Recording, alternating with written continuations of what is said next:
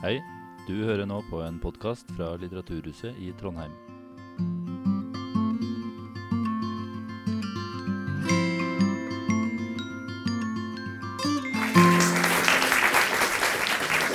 Hvor viktig er kunst? Om jeg sier til deg det at kunst det er en fristad Det skaper gjenkjenning. Det utforsker livet. Det gir undring, glede, sorg, inspirasjon og i høyeste grad provokasjon. Det speiler verdensbildet. Burde vi da ikke hatt her i Norges fjerde største by. Klart rett og slett å bestemme oss på snart 30 år. For det er nemlig tida det har gått siden eh, kommunepolitikerne og fylkestingpolitikerne eh, gjorde et vedtak i 2006, altså nesten 30 år siden. Eh, da sa de det at det var behov for et nytt museum for kunst og form. Og Debatten den har jo virkelig våkna til liv kanskje de siste månedene etter denne konseptvalgutredninga som vi har her. Ikke minst i spalten i avisene.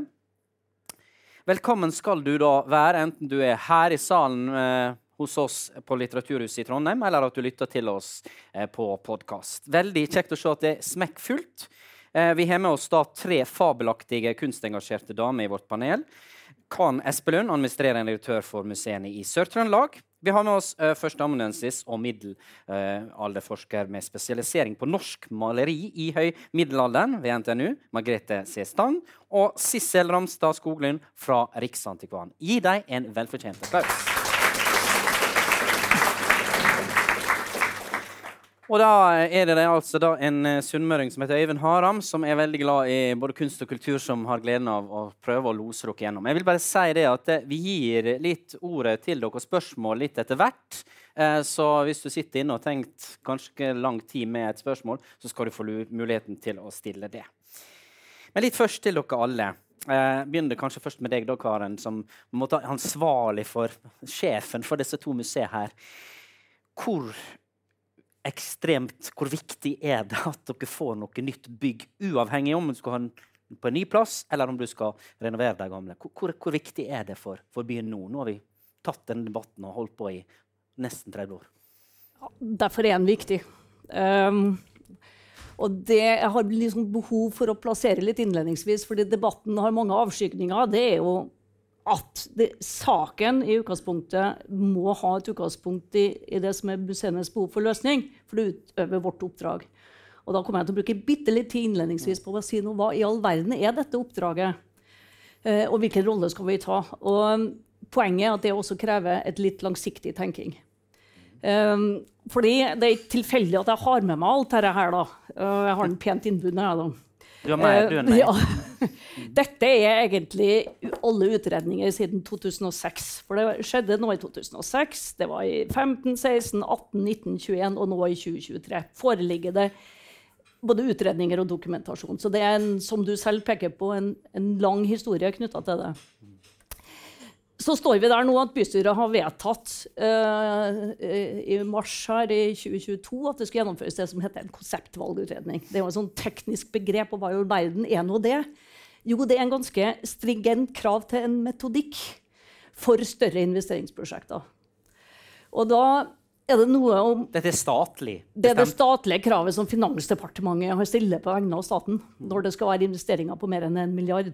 Liksom det som er de formalramma rundt det. Og Utgangspunktet for den måten å nærme seg noe på er at man skal vurdere om det er et reelt behov for tiltaket. Eh, hopper man for lett på konkret løsning, så er det lett at man glemmer hva man egentlig trenger. Så med andre ord så er det en problembeskrivelse, det er en behovsanalyse, og det skal settes opp noen målsettinger. Det er litt av grunnmuren i måten å tenke på. Og da blir det viktig å synliggjøre hva, hva er nå museenes rolle i dag og i åra framover. Og da snakker jeg i et langsiktig perspektiv. Eh, for når vi skal tenke løsning, må vi tenke i hvert fall 50 år, kanskje 100 år. Stortinget har sagt at i forbindelse med museumsmeldinga så har de sagt at museene er sentrale aktører i den grunnleggende infrastrukturen for demokrati og frie ytringer. Intet mindre. Det er en ganske tydelig bestilling til oss. Så er min påstand da at museene har det desidert mest komplekse samfunnsoppdraget av alle kulturinstitusjoner. Og jeg skal begrunne det. Det ene er at vi skal forvalte og vi skal utvikle samlinger. Og de samlingene vi snakker om på disse to museene, utgjør ca. 36 000 gjenstander. Og det er fra fingerbøl til installasjoner som dekker et helt rom. Vanessa Bird sin installasjon eksempelvis som Kunstmuseet har. Og det dekker alle typer materiale. Det er type porselen, metall, tre, tekstil, maleri, skulptur, videoinstallasjoner. Og enda mye mer. Denne oppgaven som går på å forvalte og utvikle samlinger, det krever kompetanse blant ansatte, det krever ressurser, og det krever bygningsmessige forhold på tilrettelegging. Det er den ene rollen. Den andre rollen blir jo da å formidle alt dette på bredest mulig måte, altså til flest mulig. Publikum er viktig. Det gjelder fra barnehagen til spaserstokken. Det gjelder folk med andre språk, andre begrensninger fysisk eller på annen måte. Og den Formidlingsjobben her krever da pedagogisk kompetanse, det krever god markedsføring til ulike målgrupper, det krever tilpassa lokaler som muliggjør både faste og midlertidige, temporære som det heter i språket der, utstillinger. Og det krever også å tilrettelegge for debatt, foredragsvirksomhet. Og det skal også muliggjøre innlån av verk og gjenstander fra andre museer. Det skal gi grunnlag for refleksjon, for læring og gjerne provokasjon. Kunstens samfunnskritiske rolle følger en lang tradisjon. Eh, samtidig vet vi at den også har vært og er identitetsbyggende. Det er ikke uten grunn at kulturarv og kunst, av, kunst ødelegges av russerne i Ukraina, som et dagsaktuelt tema. Tredje rollen vi har, er at vi er kunnskapsinstitusjoner.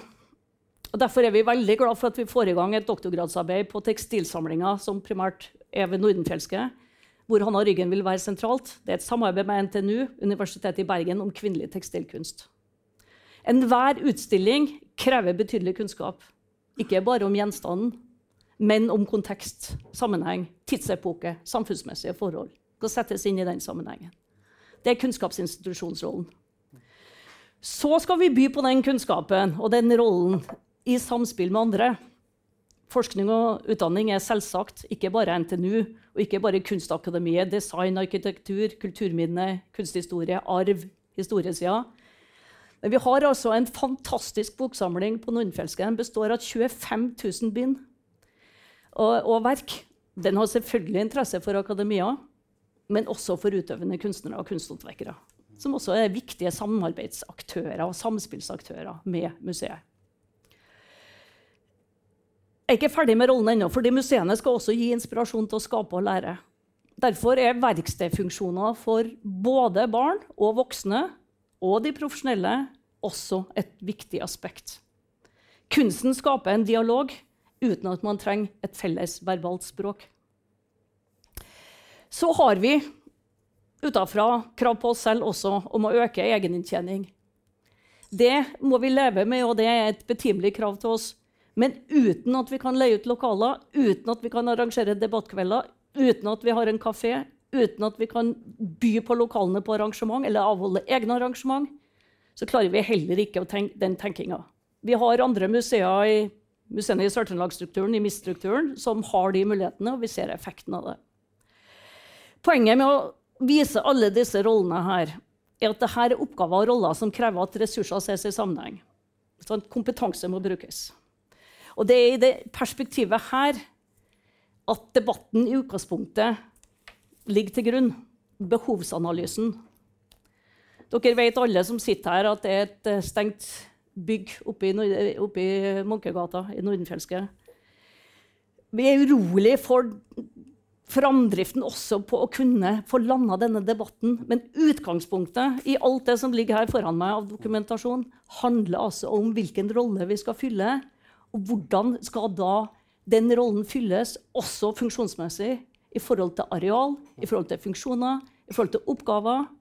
Det er det viktigste utgangspunktet. Så Det var den innledninga jeg har behov for å si, for å plassere det ganske komplekse samfunnsoppdraget museene har. Skulle nesten tro du var direktør, du. Kan hende. Av og til.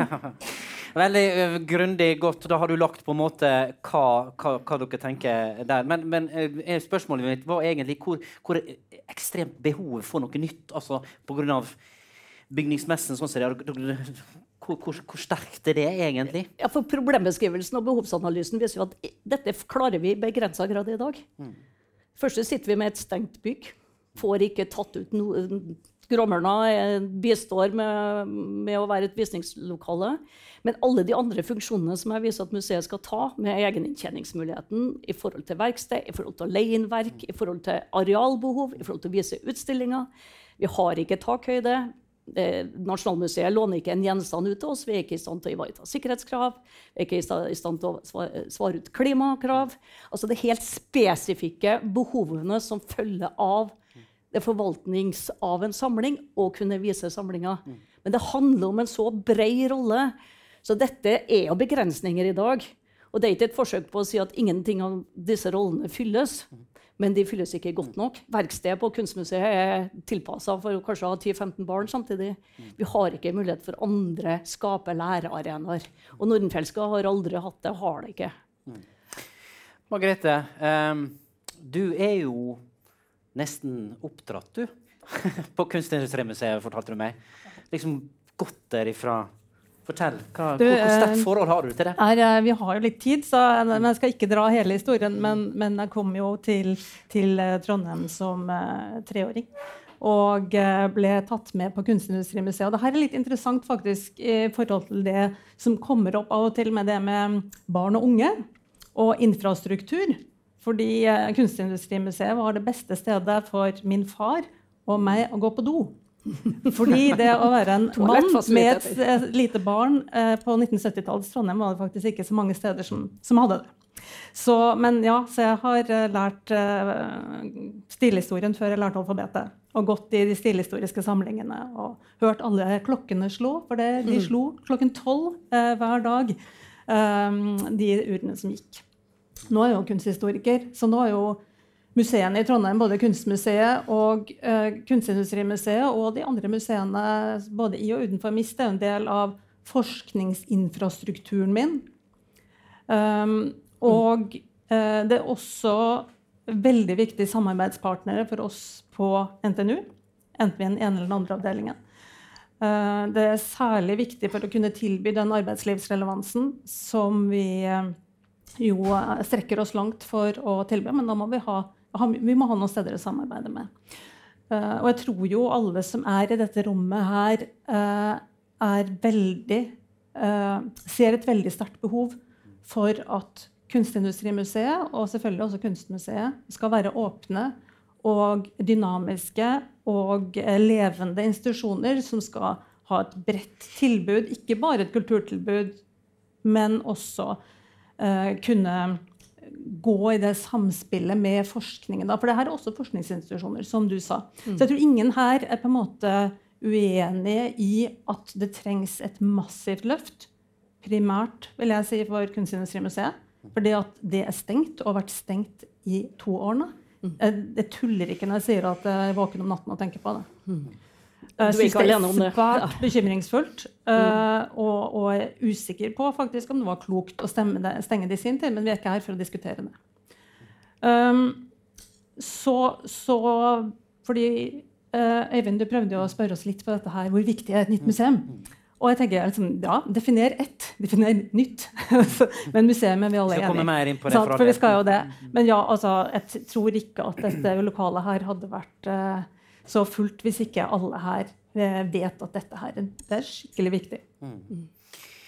Sissel, du blir jo litt på sidelinja her. Men eh, iallfall hvis at en skal begynne å gjøre litt endringer på disse bygga eh, der det er i dag, så vil du virkelig få en finger med i spillet.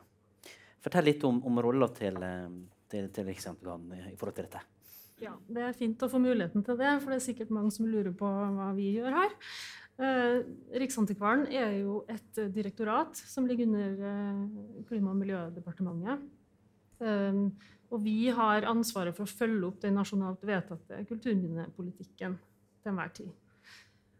Vi har også en myndighetsrolle som betyr at vi har et direkte forvaltningsansvar for en del utvalgte nasjonalt viktige kulturminner. Og da kommer vi litt mer inn på den saken her, for da vi har ansvar for bl.a. middelalderbyen. Som er det vi kaller det arkeologiske kulturminnet som ligger under bakken, og som vil bli berørt ved enhver utbyggingssak i byen. Eh, men vi har også ansvar for Nidarosdomen, Erkebispegården og kulturmiljøet, som alle de tre kulturminnene er en del av. Eh, vi forvalter kulturminnene etter et lovverk som sier at det i utgangspunktet er forbudt å gjøre inngrep i et automatisk freda kulturminne. Så når det skal bygges, så vil det jo selvsagt bli et inngrep i grunnen. Men det kan også føre til at uh, du får en visuell innvirkning, en negativ visuell innvirkning på f.eks. Nidarosdomen. Mm.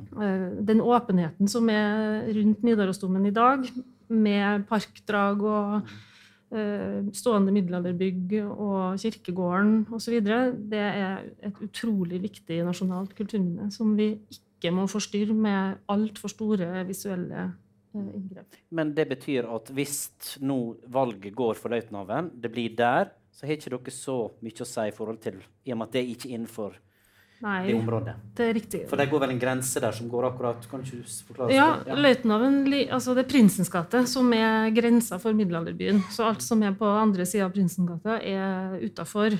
Det, det, betyr ikke at det ikke kan være arkeologiske verdier i grunnen, men akkurat på Løitenhaven så er det ikke det, fordi der ligger det allerede et, et underjordisk parkeringsanlegg. Mm. Så vi har eh, egentlig ingen rolle dersom museet skal bygges der. For det er heller ingen andre automatisk freda bygg eller kulturminner som vi har direkte forvaltningsansvar for. Det skal godt gjøres å finne konger nedi der. Ja. Mm, det. Det, og det betyr jo ikke at vi mener at Løitenhaven nødvendigvis er det beste alternativet for et museum, for det er jo veldig mange andre hensyn som begge har vært inne på her, som vi også vi er veldig opptatt av, bl.a. bærekraft, som vi sikkert eh, kommer inn på. Ja, og nå tenkte jeg Vi kan bare ta det kjapt uh, akkurat i forhold til hva dere tenker og hvor dere står eh, om det som ligger her. Løitenhaven eller eksisterende Bevare det eksisterende. Og der, der, har jo litt sånn, noen har synt, Dere har jo hatt en mening også der? Vi, altså I 2021 så ble vi forelagt et forslag fra MIST som dreide seg om en samlokalisering av begge museene eh, i tilknytning til dagens kunstmuseum i Bispegata. Eh, det var snakk om 11 000 kvadratmeter gulv, som da skulle plasseres i det sårbare kulturmiljøet. Eh, den gangen så var Løitenhaven opp som et alternativt forslag. Og det vi uttalte da, var at sett opp mot det konkrete forslaget, så vil Løitenhaven være å foretrekke ut fra et kulturminneperspektiv, fordi en så massiv utbygging vil føre til et uakseptabelt stort tap av uh, viktige kulturminneverdier. Men uh, det er ikke dermed sagt som sagt at vi mener at det er best. Vi ser jo også veldig på verdien av, å, av videre bruk av Det er jo kulturhistorisk viktige bygg.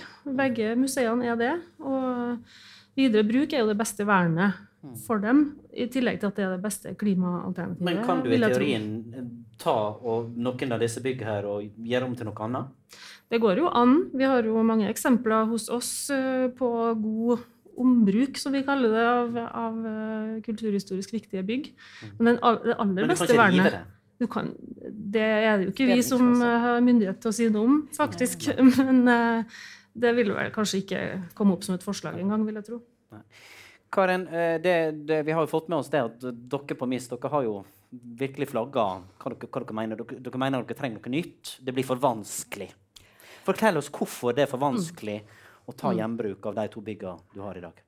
Nei, jeg har jo prøvd å beskrive rollen. Mm. Og hvis du utleder rollen på, ut i funksjonalitet og dermed arealbehov, så er det trøblete. Det er liksom én dimensjon. Du får ikke areal nok. Uh, og det er ganske, ikke bare ganske grundig, det er brukt veldig mye energi på å se på rom- og funksjonsprogram. Det er det ene, og så er det et argument jeg ennå ikke har dratt. og det er jo, Når jeg beskriver alle disse rollene her, så er det også en museumsoppgave og en rolle som krever at ressurser ses i sammenheng, som jeg var inne på. Kompetanse må brukes best mulig. Og man må være arealeffektiv på de spesifikke bygga, eh, behovene som også museumsbygg har. Det har sikring, det er klima, det er alle disse elementene. Lys, luft, fuktighet osv. Dermed så mener vi veldig tungt at de faglige og driftsmessige synergiene må utnyttes. Og Derfor er det man snakker om ett bygg. Det er også arealeffektivt, for vi må opp i areal hvis du skal spre funksjonene på mer enn mer enn ett bygg. Det er ganske tydelig, tydeliggjort. Og så to sånne poenger ellers. Altså, av de 16 konseptene så er hele ti av dem omfatter ett eller begge av dagens bygg. Det er utreda. Og hele poenget nå er jo Vi skal jo inn på den prosessen etter hvert. Men nettopp utredninga skal kvalitetssikres. og Det betyr at alle disse 16 konseptene skal kvalitetssikres. Men jeg har litt behov for å prøve igjen å si at funksjonalitet og rolle For da må de som vil spre det på mer enn ett bygg, de som vil eh, ned i arealbehov, også være med på å si ok, hvilke roller og hvilke oppgaver skal da faktisk kuttes i det som er vårt samfunnsoppdrag. Og det samfunnsoppdraget er våre finansieringspartnere, eiere, med på å definere. Så det blir for lettvint å bare gå inn og ta byggdiskusjonen som utgangspunkt. Det er litt av det som jeg har følt krevende i hele debatten. Fordi bygga er fantastiske. Ingen har sagt noe annet. De skal stå. Men de kan definitivt også brukes til andre formål. Eh, og Det er liksom diskusjonen knytta til det. og Derfor litt fristende å pirke borti Riksantikvarens rolle på å mene noe om hvor museumsdrift skal lokaliseres, og ikke bare synspunkt på, på, bygg. Det overrasker meg hvis Riksantikvaren definere det som en, en rolle inn i byutviklingsdebatt, museumsdebatt i Trondheim. Svar kjapt på det. Ja, nei, Vi skal ikke mene noe om hva museene har behov for. Så Vi tar kun stilling til tiltak som foreslås som har innvirkning på kulturlag, eller kulturminner generelt. Og det, Vi har jo heller ikke konkludert noen ting i denne saken. her. Vi har gitt noen signal, litt generelle signal overfor uh, tre konkrete forslag som har blitt uh, uh, lagt frem for oss. Hvorav det ene er det her samlokaliseringsalternativet ved Kunstmuseet, som vi har stilt oss negativt til. Og det må vi jo må jeg si at det står vi fast ved, fordi det er et så viktig kulturmiljø som vil bli forringa hvis mm. man går for den. Du gikk langt i å ha synspunkt, tror du? det er derfor jeg utfordrer deg. Ja, ja. Det var Riksantikvarembetet som hadde synspunkt. Så mener vi jo at alle, alle kulturminneverdier må jo ivaretas, men det er ikke vår rolle å skulle mene om hva museet har behov for. sånn sett. Så eh, vi skal ikke gå så langt i det, men vi skal ta stilling til de forslagene som kommer. Mm. Margrethe. Og det er vi glad for. Ja. Det er en viktig rolle i det, i det bygningsmessige og den dimensjonen. Margrethe, du stiller jo litt spørsmål ved eh, Løitenhaven. Eh, stort, svært nytt bygg. Masse plass. Hvorfor gjør du det? Du eh, blir jo på en måte å snu det litt på hodet, da. Eh, man blir jo veldig sånn sur og nei til alt. Eh, men jeg tenker jo litt sånn som det som Sissel er inne på. da og Karen sier jo også selv at de byggene er fantastiske. Um, Trondheim kunstmuseum er et av Trondheims aller fineste bygg. Altså nå snakker vi inklusive Nidarosdomen. Dere. Det har fått Haugens diplom to ganger. Uh, og jeg har jo lest den konseptvalgutredningen. Der snakkes det mye om skreddersøm. Det er veldig fascinerende, for det er sånn konsulentspråk, så De snakker både om skreddersøm og fleksibilitet, som enhver skredder vil vite at er to motsetninger. Uh, men, sant dette her er et bygg faktisk er skreddersydd for å være museum. Ikke et 2023-museum, det er jo helt på det rene med. Bygget nærmer seg jo 100. Uh, men uh, veldig interessant artikkel i faktisk Fortidsminneforeningens årbok for fire-fem år siden. Så nett temanummeret var om transformasjon. Som gjorde et veldig godt poeng ut av det øyeblikket du transformerer et bygg, putter inn en ny bruk, så får du en uh, forvitring av kulturminneverdiene. Uvilkårlig. ikke sant? Vi sitter i en gammel brannstasjon. Det er veldig mye av det som gjorde brannstasjonen spennende, som vi ikke har her fordi det skal være litteraturhus. Mm. Uh, og det er klart at Hvis man skal ha gjenbruk, så er det veldig lurt å ha mer eller mindre samme funksjon. Uh, så jeg tror at noen av de funksjonene som man ønsker seg i Kunstmuseet, er mulig også med en forsiktig utbygging av uh, eksisterende bygg. Begge plasser? Begge, begge steder, ja. Uh, jeg tenker jo det at uh, de, begge disse byggene er bygd for sine uh, institusjoner. Kunstindustrimuseet er jo relativt nytt, det er jo ikke så veldig mye eldre enn meg selv. og det vil jeg si at det ikke er så gammelt da.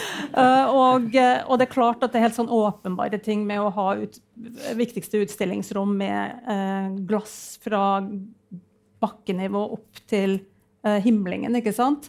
Eh, er problematisk. Men det er jo et fantastisk sted for å ha museumsbutikk og kafé. Helt genialt. Jeg har jobbet på Kunstindustrimuseet selv i studietiden og skoletiden. Og det å, denne her, som jeg ikke har vært inne på ennå, plasseringen av disse to museene er genial, og enhver europeisk by altså, vil misunne oss den plasseringen. Vi har Nidarosdomen, som vi ikke har løftet en finger for å skape selv.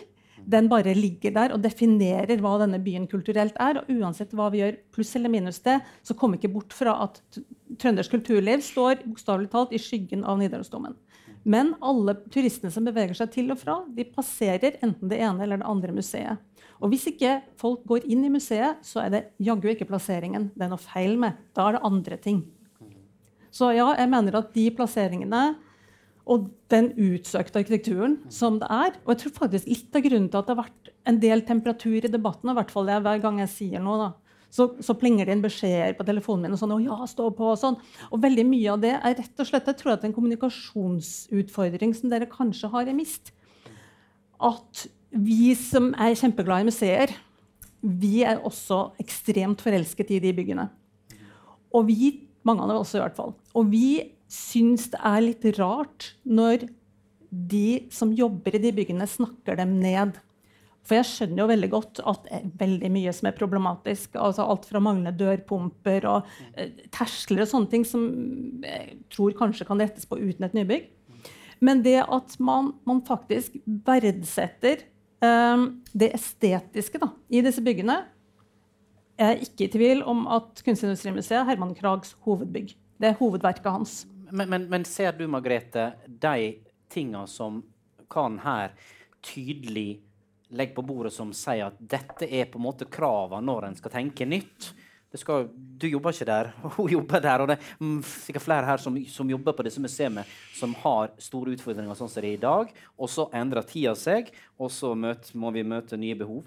Ser du det? Ja, det ser du, tenker du at det likevel er mulig å renovere, gjøre nytt der det er? Vi skal jo hoppe videre om noen mm. minutter, om ikke mm, timer, mm. til uh, Trondheimsalternativet f.eks. Mm. Så jeg mener at ja, ja, det er mulig. Men jeg tenker for debattens del, da, så tenker jeg at det hadde vært Jeg tror at mange av oss hadde liksom vært litt mer med på å sette behovene hvis man også hadde gitt altså, Jeg er ærlig, Johan, jeg syns jo at Kunstmuseet er finere enn mesteparten av bildene som er inni.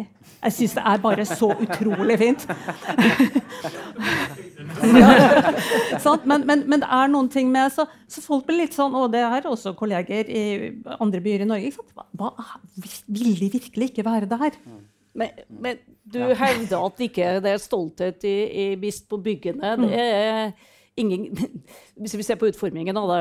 Eh, vi har tydeliggjort at det er jo to flotte bygg.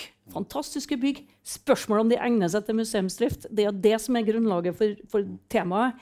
Um, og hvis vi skal konkurrere om å ha vært uh, lengst i, i, i Kunstindustrimuseet, så har jeg vært der siden åpningen i 68. Såpass gammel. um, men det var ikke poenget. Poenget er egentlig å utfordre litt tilbake til uh, Margrethe på det her med funksjonalitet. Um, for sant, vi snakker jo om en løsning hvor også de faglige synergiene skal tas ut. Jeg har prøvd å si noe om driftsøkonomi, jeg har prøvd å si noe om alle de aspektene der.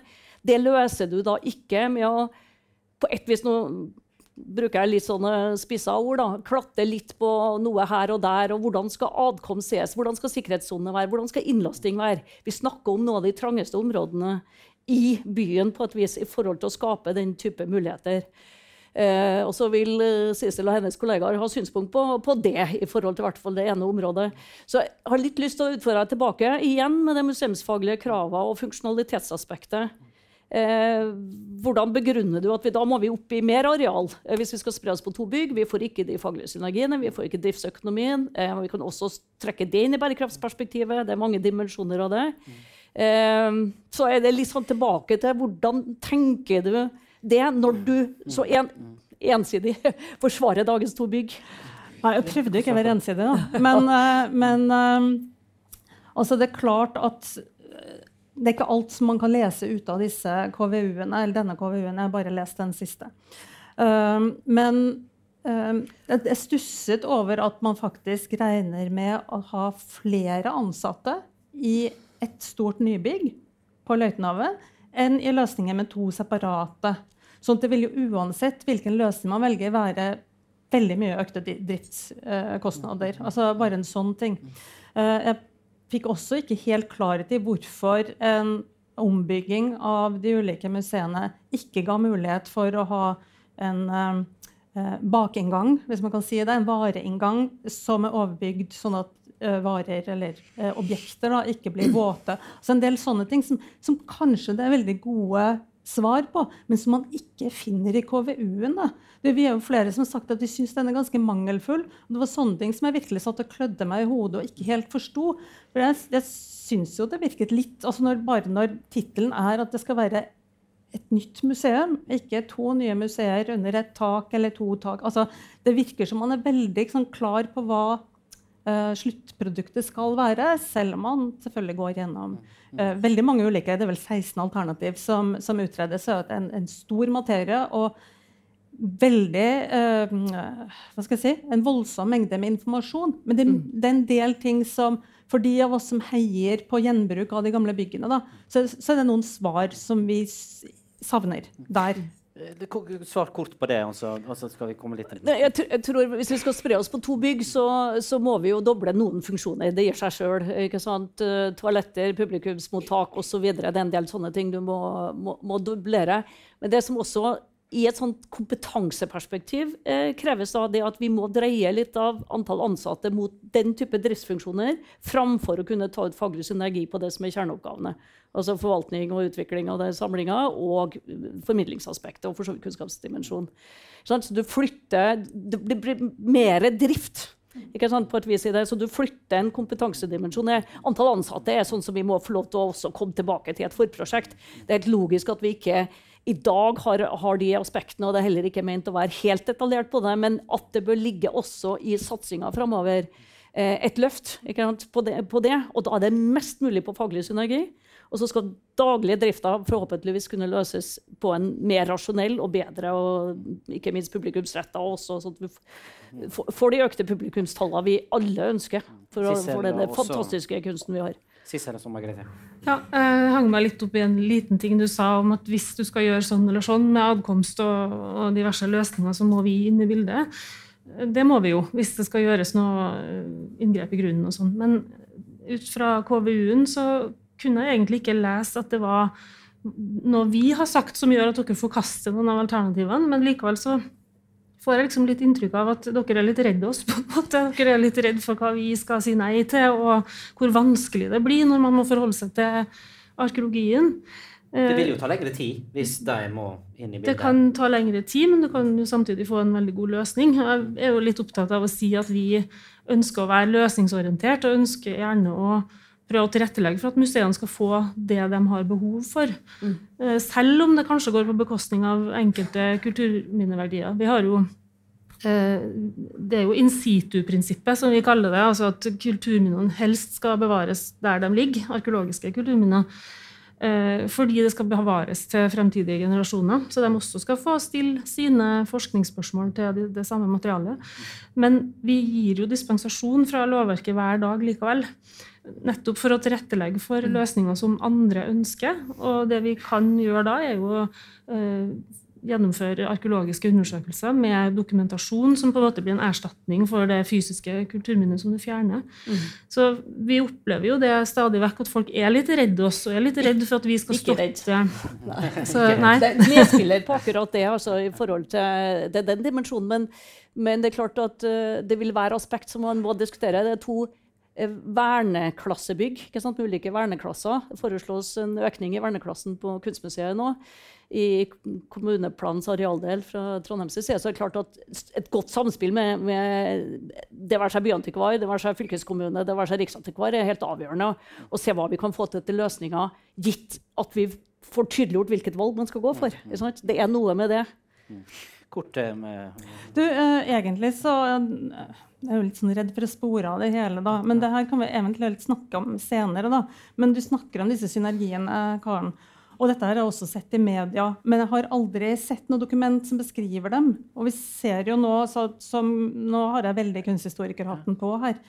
Men vi har en, egentlig en veldig stolt historie i Norge med kunstindustrimuseer i de tre største byene. Og i Bergen så har Kunstindustrimuseet der blitt konsolidert inn i Kodemuseene. I Oslo så har altså Kunstindustrimuseet der eh, blitt spist opp av Nasjonalmuseet. Eh, og eh, det er en sterk bekymring i miljøet hvor man var kunsthåndverkere, men også de omkringliggende fagfeltene av marginalisering av kunsthåndverket.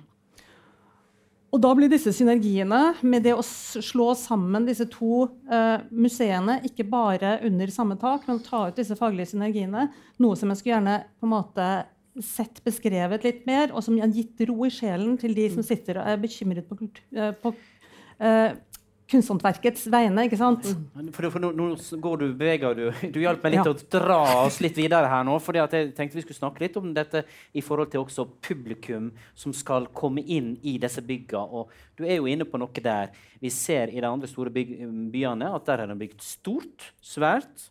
Eh, og så vet jeg du har vært litt bekymra i forhold til dette med at hvis en tenker for stort og svært, så går det som får konsekvenser for, for, for, både i forhold til utstillinger og, og, og, og økonomi osv. I hvilken grad har du på en måte tenkt på det når dere har sagt at 11 000 kvadratmeter på Løitenhaven det nå er det, Etter siste gjennomgang så er tallet økt. Ja. Fordi, fordi, det var en del funksjoner vi trengte å oppgradere. Eh, ser at den, den 20 18-utredninga konkluderte med ca. 15 000 kvadrat. Nå er det ca. 16 000 brutto. Men utstillingsarealet er jo mindre da, ikke sant? for det er disse tilleggsfunksjonene. Og det er disse funksjonene som også øker noe hvis du har to bygg. Fordi du må doble noen funksjoner. Men, men uh, Margrethe bringer inn et kjempeviktig poeng, og det er uh, ansvaret for kunsthåndverk.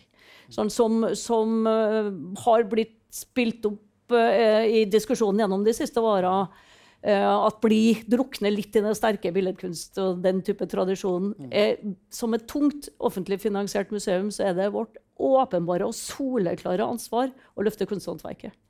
Eh, hvis ikke gjør vi ikke jobben vår. Og majoriteten av samlinga av de 30 000 er jo Nordenfjelske sine, sine gjenstander. Ca. 6000 er Kunstmuseet sine. Og Nordenfjelske har jo en lang, og da sier jeg mange mangeårige, og tiårige og 50-årige tradisjoner på å virkelig samle. Og på høykvalitet på kunsthåndverk. Så gjelder det i samtida. Det gjelder å samspille med kunsthåndverkerne. Vi har hatt mange runder med, med kunsthåndverkerne nettopp pga. den uroen de har følt. Eh, skal si at Synergier eh, knytta til, til, fellesskap har vi mye intern tenking på, men eh, vi skal kanskje eksponere den, eh, den diskusjonen mer tydelig utad. fordi det Kode jo sier når vi går kode i klingen, på hvordan de opplever det, så sier de jo bl.a. at de hadde ønska at de var sterkere samla som museum, altså i betydningen administrativt. De ser at de mister noen funksjoner. Da kan jeg bare referere til hva de sa i et av workshopene vi hadde med dem underveis i KVU-prosessen. Um, på Nasjonalmuseet er det litt ulike signal. Får kunsthåndverket den plassen de skal ha, uh, kontra eget bygg, besøkstall? Uh, per i dag litt sånn Det blir litt, uh, litt sånn type synsing. jeg hører begge, begge kommentarer knytta til erfaring. Så er spørsmålet hvordan vi kan redusere det som måtte oppleves som trusler, og klare å ta det ut. Altså, jeg er ikke i tvil. De to museene samarbeider nå tettere enn noen gang. Og det ligger fortsatt potensial på å gjøre det. Så vi ser eh, de gryende synergiene sterkere manifestert hver eneste dag i samspill. Vi skal bl.a. ha Hans og Hanna Ryggen-utstilling sammen sant, som ett type tiltak, hvor du får de her eh, to kunstnerne som, og de to museene til samspillet rundt det. Men du ser bekymringer, du? du ja, jeg, jeg, har jo vært med på en av disse workshopene. Og da var det eh, han fasilitatoren som uh, sa at å, samlingene Vi, var jo mange som skrev på disse gule lappene at uh, mm. hva som er viktig for dere, og samlingene var selvfølgelig viktig for alle. Og sånn, ja, Samlingene er litt som museets DNA. Jeg var liksom ikke helt sikker på om den metaforen satt, men han ble veldig sånn gjeste samlingene er museets DNA. Det tror jeg faktisk har sett uh, eh, gjengitt et eller annet sted. Men det slo meg at liksom, vet man om DNA-et til de to museene er, liksom, er det esel og hest? Blir det et muldyr? Altså, vil dette faktisk gi de synergiene som Og ikke til forkleinelse for noen av dem, men er man sikre på at disse for, altså, de, de, er så utrolig forskjellige. De Samlingene til Kunstmuseet, Kunstmuseet er så utrolig mye mer forskjellige enn i Kodemuseene og enn i Oslo. Ja, mener du med det at det blir feil da? å slå det sammen? Og ha det i ett bygg? Det, det, kan vel det ingen av oss Det er vel ingen av oss som kan si før det er prøvd ut. Såpass ærlig må jeg jo være. Jeg bare tenker at jeg har veldig vanskelig Hans og Hanna Ryggen er vel et av de få eksemplene jeg ser hvor det faktisk kan svinge litt. Men det er ett. ikke sant? At de kunstindustrimuseer er, tenker samling på en annen måte enn det kunstmuseer gjør. Og ideen deres var noe helt annet. Den skal jo, som de sier, liksom, gå i dialog med industrien, som vi elsker å si på NTNU. De skal på en måte, uh, Mens kunstmuseene det er den fine kunsten. Så kan man si at disse har forandret seg mye gjennom tiden. Og hvor man er i dag. Men jeg, men skulle gjerne likt å sette at disse utredningene i hvert fall tok litt i den materien. Fordi For meg er det ikke åpen, åpenbart at dette her kommer til å være et, altså, at gode kolleger jobber sammen, og at man er gode team på tvers av de to institusjonene. Ja, for all del. For det er ikke så mange kunsthistorikerarbeidsplasser her i byen. og sånn. Så det, jeg vil ikke at det ikke skal leke sammen. Men jeg tenker at mange av oss vil nok få mer ro i sjelen hvis man var tydeligere på at ja, vet du hva, kan, altså, la oss si at vi skal bygge dette, dette nye museet på Løitenhavet. Og så gjør vi sånn som et av mine favorittmuseer er i Köln hvor man går inn i en felles vestibyle en felles kafé, felles bokhandel, og så løser man billett til enten det ene eller til det andre. Det er faktisk ikke felles billetter engang. De er to helt separate museer. Det ene er sånn eh, antropologiske utstillinger, det andre er middelalderkunst. Det hadde du heller kunnet tenkt deg, da? Ja, jeg tenker faktisk, altså, ja, Middelalderkunst hadde jeg tenkt meg. Men, men, men, jeg faktisk tenker at man skal hvert fall, hvis man først skal putte på liksom, sånn blue sky thinking, og sånn, så skal man i hvert fall være åpen for at, at et sånn særboalternativ kan være et vel så bra alternativ. Da. Men det er jo egentlig ikke det vi skal diskutere her. Nei, altså, vi snakker, altså, Det ligger litt bak her, men, men, men publikums ønske, interesse for hva dette er, det er jo to ulike Det er jo en grunn til at det er to ulike byggarn? Det er jo historikk. Og hvor det var mer strigente uttrykk. ikke sant, på et vis. I dag kanskje utfordrer Margrethe litt med din faglige men historikk, men altså, Det er jo historie vi driver på med. Det er jo museer. Det er på en måte, vi det, kan ikke bare si at det er historikk. Nei, men, nei og det historikken tar med, med seg. Men samtidig og framtidig også utvikle en samling. Altså I dag går kunstuttrykkene eh, veldig på tvers. Videoanimasjon eksempelvis. Du, utfordrer jeg litt på kanskje at du tegner et litt tradisjonelt. Vi skal ha med oss det, det tradisjonelle uttrykket, men vi skal også utvikle det.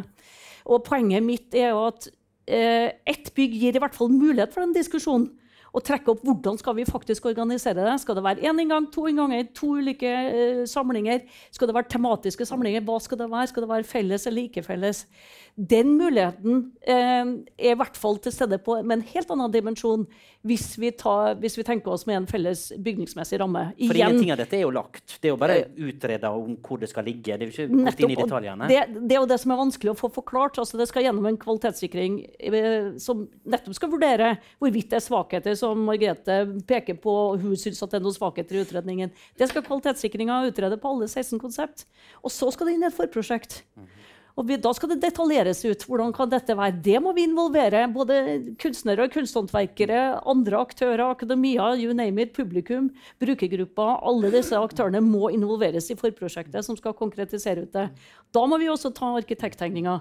For jeg antar at Riksantikvaren vil ha synspunkt på hvor på det som går på under og over jorda. hvor mye ligger. Da må du detaljere ut egentlig bruken av et museum. Enten det blir den løsninga rundt dagens bygg, eller det blir et nybygg. Så, så poenget, poenget, mitt er at uh, det er crossover i anførselstegn for å bruke et, uh, et, engelsk uttrykk, i forhold til uttrykkene framover. Og så skal man passe på også det historiske separate. Um, så det er, det er jo ikke umulig å kombinere de to perspektivene i, inn i framtida heller. Eh, publikum som skal inn, inn i, i de, disse to, eller det nye ene bygget, hva, hva tenker du om det? Eh, er det et ønske? Står det noe i, i, fra, fra, statlig hold? Sies det noe om det at her skal en tenke mer? mer for flere? Det, det eh, vi utfordres på fra departement og kulturdirektorat, som er måte, våre samspillsaktører på statlig nivå, det er én stor stor bekymring på samlingsforvaltning og hvordan konservering og tilstanden er. Det er de meget uh, urolige for. Eh, Så det jobber vi med parallelt. og Dermed får jeg også sagt at et eksternt magasin er ikke en del av arealbehovet her. Det er tatt helt ut, og det er en egen prosess. For det har også vært noen misforståelser på det. Ja, men Det er det ene. men- ja, Ja, det andre departementet sier, det som er avgjørende for at dere legger til grunn, det er funksjonaliteten. For vi har direkte spurt i møter med departementet ligger det en føring statlig nå om eh, liksom gjenbruk, ikke gjenbruk, nybygg, ikke nybygg. Funksjonaliteten vil være avgjørende. Eh, og det er det de utfordrer oss på. Så det er egentlig nummer én? Departementet svarer at funksjonaliteten er det vesentlige. Og det er jo det vi legger til grunn. Når vi legger museumsfaglige begrunnelser i bånn, så er det jo det vi snakker om Men, men, men jeg spør også litt deg som, som, som historiker her. Altså, I hva grad bør en tenke nytt når en da gjør noe nytt? Fordi at eh, historien endrer jo seg. Eh, skal vi gå i det samme som på en måte vi har gjort all sin tid, eller skal vi gjøre noe nytt? I hva grad føler du at det er behov for å gjøre? Vanskelig spørsmål. Det er et åpent spørsmål, men, eh, Stort men- skal kan jo ikke si nei til å tenke nytt. Um, og Men ser du behov for å, for å gjøre nye ting? Ut Ja, altså- sånn som det er i dag? Altså, det er åpenbart. Altså, det, det er jo åpenbart behov for å gjøre ting. Vi er nødt til å ha uh, museer som uh, er åpne for publikum og for forskning. um, og som er gode arbeidsplasser for de som jobber der. Uh, det er på en måte alfa og omega. Det må være attraktive arbeidsplasser. Sånn at eh, det kommer dyktige fagfolk her og jobber med det. Og at studentene våre, når de går ut med kjempefine karakterer, og sånn, at de, det de har mest lyst til, er å jobbe på enten Kunstmuseet eller Kunstindustrimuseet. Eh, Så det, det er liksom helt åpenbart. Um, og så er jeg usikker på om man f.eks. den nytenkningen som går ut på å slå ting sammen. Det har vi vært- gjennom. Og så er jeg også usikker på om det er, den eneste løsningen er å bygge nytt. Sant? Fordi det er også å tenke nytt og si hm, ja, kanskje, men kanskje vi kan få til noe bra ved gjenbruk. Det har kommet med ganske mange fine forslag rundt gjen, gjenbruksideen. Og det er også, vi kommer jo til etter hvert. Da. Jeg kan ikke brenne brenne av alt med en gang. Så, Så, men så, så for all del tenke nytt. Men, men uh, ha, i bakhodet at det aller viktigste er at dette her er faglig gode, solide institusjoner som er åpne. Og da er egentlig på en måte det som må eh, ligge til grunn. Når det gjelder dette her med størrelse og sånn, kan jeg komme litt inn på det. fordi jeg stusset veldig over Jeg, jeg syns at noen av disse ambisjonene for det nye museet Man har jo setter seg noen hårete mål som kanskje ikke tåler dagens lys. Hva mener Altså, du da? Da mener jeg f.eks. at det sto at dette museet den måtte notere meg som en sur norsklærer. At det skulle, være- dette nye bygget skal ha et arkitektonisk særpreg uten sidestykke i Trondheim. Det, det tenker jeg at Nei, ikke, ikke der. Eh, men også det at man det her Kanskje jeg tar feil, men altså at man skulle kunne ta imot 800 gjester samtidig. Det, det syns jeg er og forbløffende høyt mål. Og jeg er ikke helt sikker på om det er Der tenker jeg at man kanskje kan tenke, tenke nytt. Og tenke, er, det at alle skal få, Man kunne ha garderobeløsninger for å ha 800 mennesker inni dette her museet samtidig.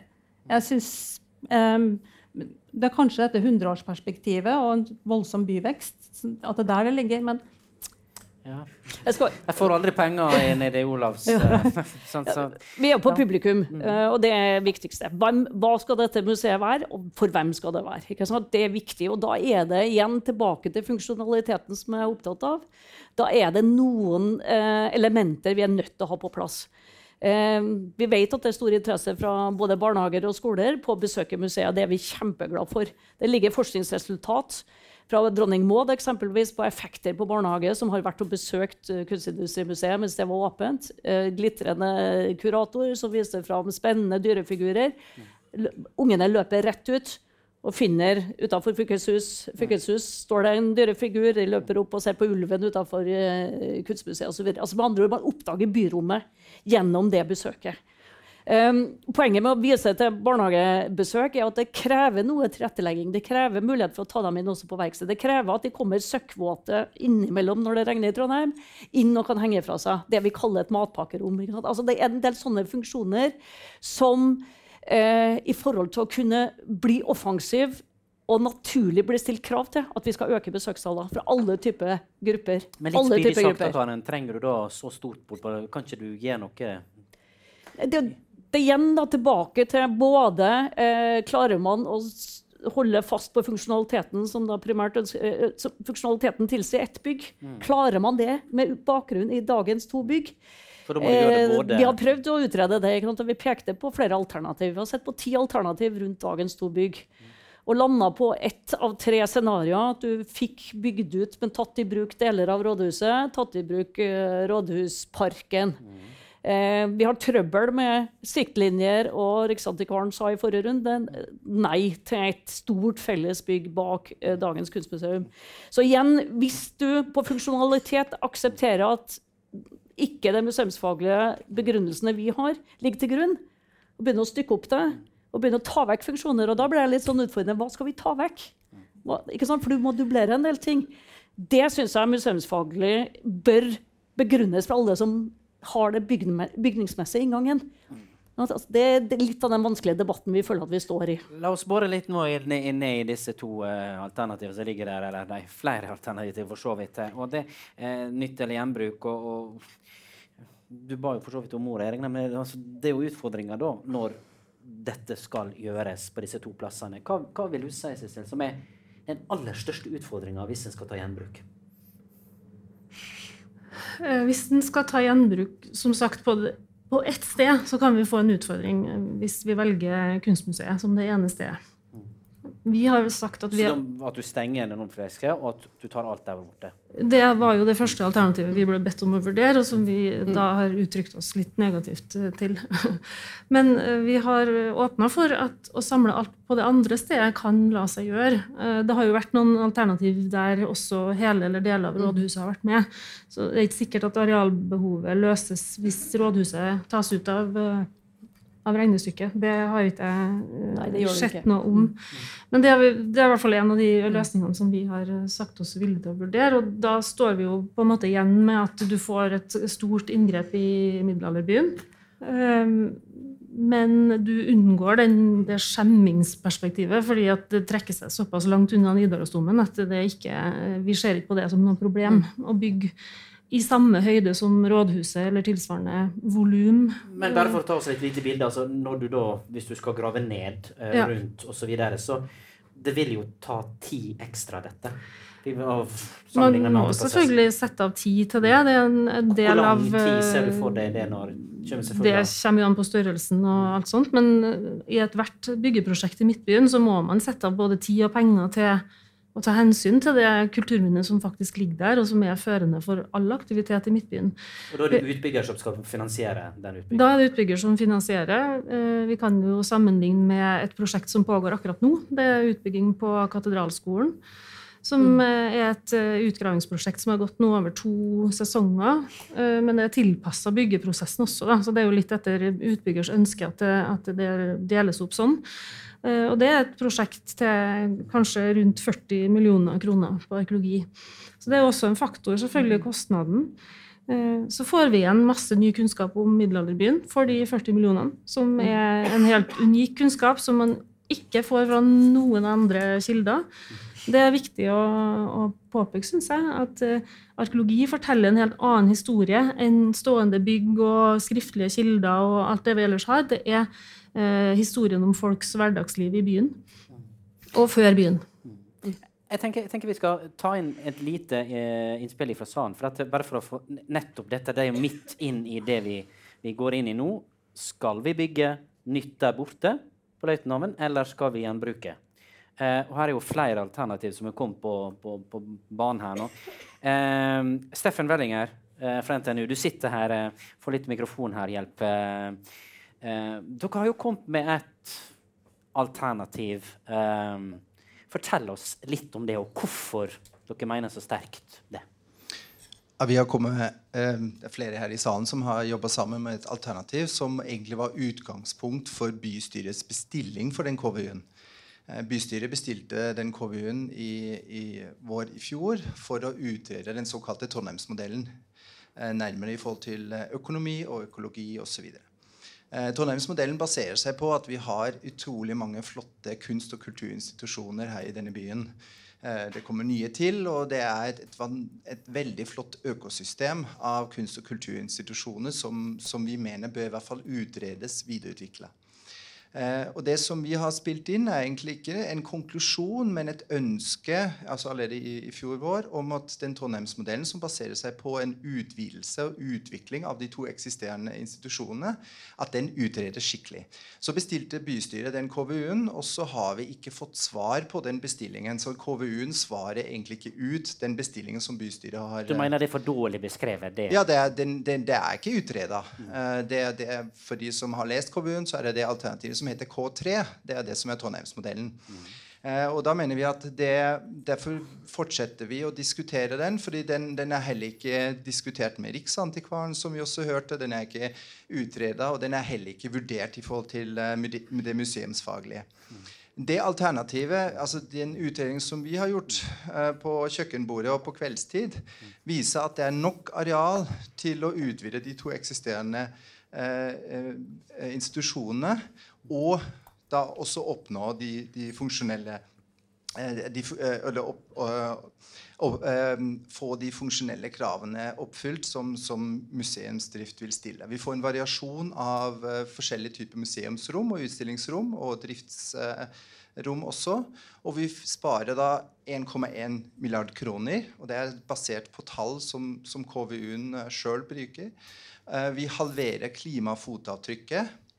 Um, over et 60-årsperspektiv. Det er et veldig viktig poeng synes jeg også i den debatten.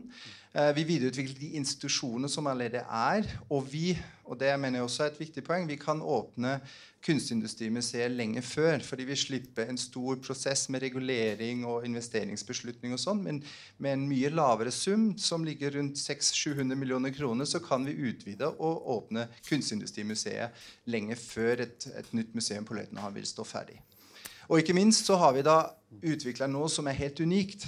Det er ikke et, eh, et, nytt museum som veldig mange europeiske byer har, men det er noe helt unikt som er basert på den historien og den identiteten som vi har, men samtidig oppfyller dagens funksjonskrav. Mm.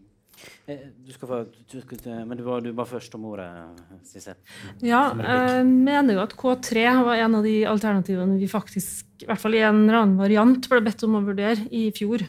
Sånn at Vi har jo kikka på den, og vi har sagt at den er vi åpne for å se nærmere på. Fordi det er et relativt begrensa bygningsvolum på hvert sted.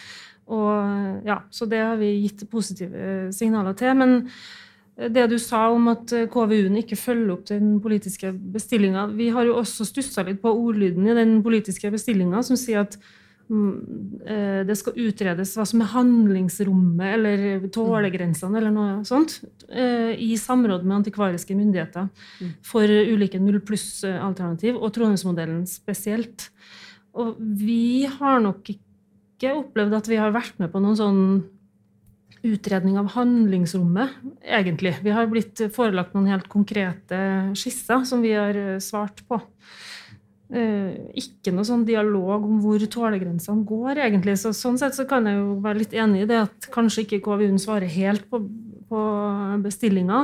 Samtidig som jeg sa i sted, så syns jeg jo at det er en annen type argumentasjon som, i KVU-en som gjør at man forkaster de alternativene. Så det er sikkert mm. alle de kriteriene som du mm. har nevnt nå, som uh, har ført til den konklusjonen. Mm.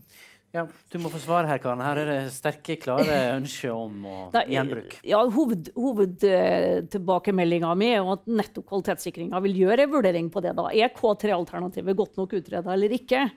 Men samtidig har jeg litt behov for å si at bystyret har nok vært, hatt vært litt sånn eh, på et vis schizofren i bestillinga si. For det ene er metodikken som KVU-en legger til grunn. Den skal ikke ha noen type føringer inn i det.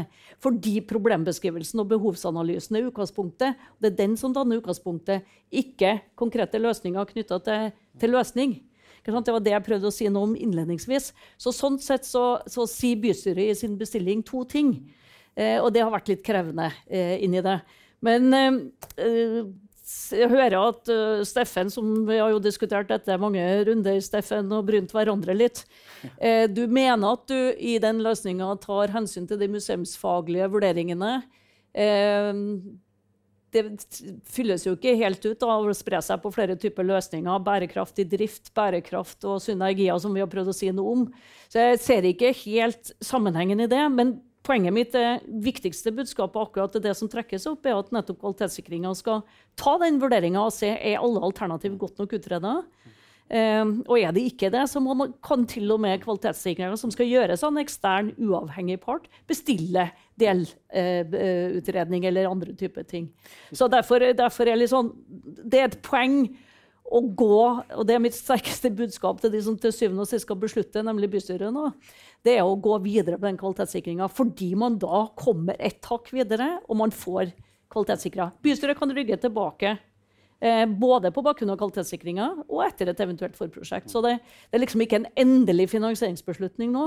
Og vi sitter jo selvfølgelig med noen sånne x-er og y-er, alle parter her, eh, som først vil løses i et forprosjekt. Eksempelvis bruk av eksisterende bygg. Alternativt. Du skal svare kort på det, Stefan og så Margrethe. så jeg vil bare understreke at Det viktigste er at det utredes skikkelig. og Da trenger vi ikke utrede 16 alternativer og kvalitetssikre hele KVU-en. Vi har alene, vi, vi, Diskusjonen har jo begrensa seg til to.